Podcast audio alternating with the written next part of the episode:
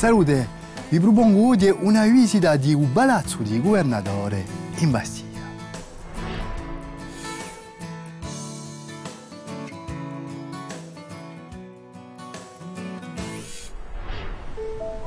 Che meraviglia sta città di Bastiglia quando muore da uccello. E a mezzo ai muri grigi di città spunta un bastimento maiò di colore arancio e cu famoso palazzo di governatori. La cittadina di Bastiglia, tra casa Zerbi e la casa di un consiglio di nobili dodici, ci troviamo un nostro palazzo. Sul monumento situato al centro della cittadella è sempre stato un luogo di potere e di memoria. A cittadella, come un bastimento chiamato odierno palazzo, hanno sempre cambiato la storia. Edificato nel 1487, il palazzo dei governatori si riconosce a quello tamanto d'Urione Tondolo.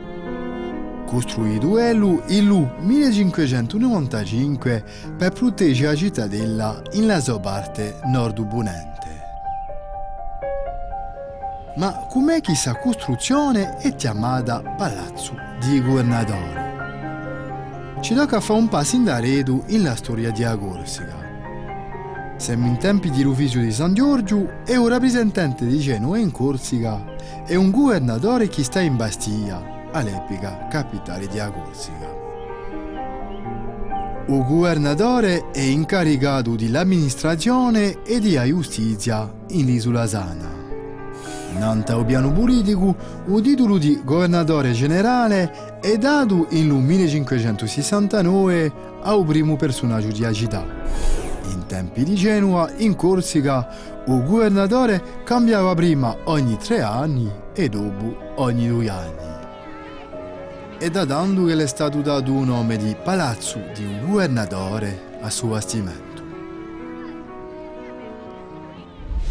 Il palazzo dei governatori è sempre stato un luogo di potere e di memoria. Vi propongo una piccola visita di a corte interna di un palazzo che è stato genovese durante circa tre secoli. Tocca a fine del XV secolo, il bastimento contava una ventina di sale. All'epoca moderna, l'ala di un nord è destinata all'amministrazione ordinaria, ci troviamo a cancelleria e l'archivio. Al primo piano c'è la sala del trono e gli appartamenti privati di un governatore. Non ce l'ha mai scordarsi che sul luogo era innanzitutto un luogo di difesa e di fortificazione. Si vede qui un ponte levatoio che impedia un nemico dentro. Entriamo in un corridoio che ci porta ai cellule di un palazzo. Si vede qui l'esempio di una cellula dove fu incarcerato San Piero Corso quando lui lottava contro i genuesi. Passiamo alle cisterne, che erano impiute d'acqua, l'acqua intria per un tavone e curia qui.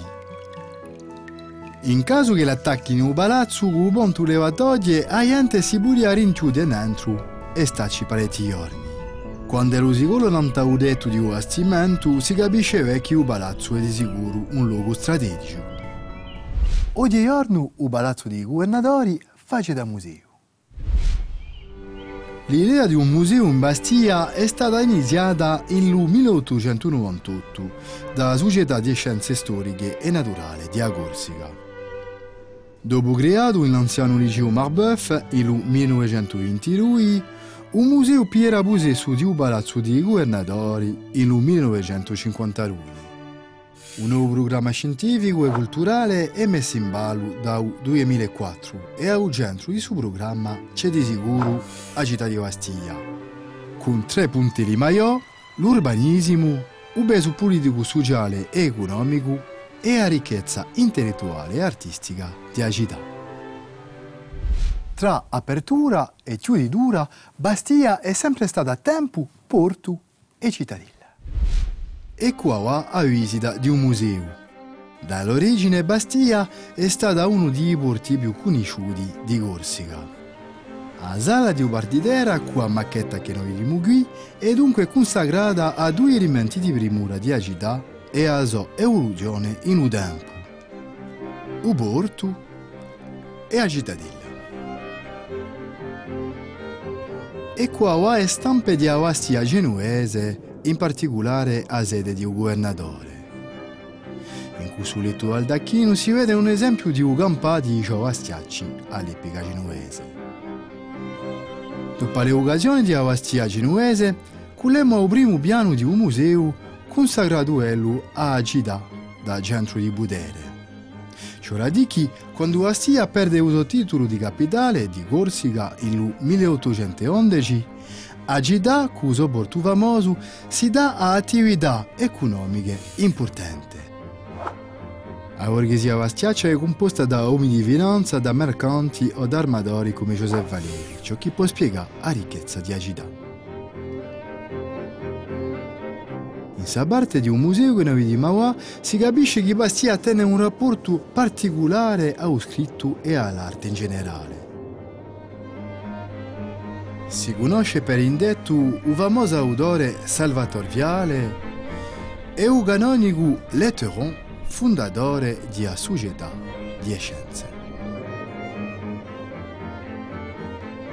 A mesa a tutti i sommi di lettere e artisti c'è da mintua lo scultore vastiaccio Jean-Mathieu Beckler, laureato di Alascita Zisco. L'artista è conosciuto per la scultura di un rilievo di un monumento ai morti di Bastiglia. Il Palazzo dei Governatori rappresenta uno degli elementi maestri di un patrimonio vastiaccio e corso in generale. Ramintemoci. Il luogo chiamato oggi Palazzo dei Governatori è stato edificato nel XV secolo. È stato la sede di un potere genuese. Face oggi da museo. A presto.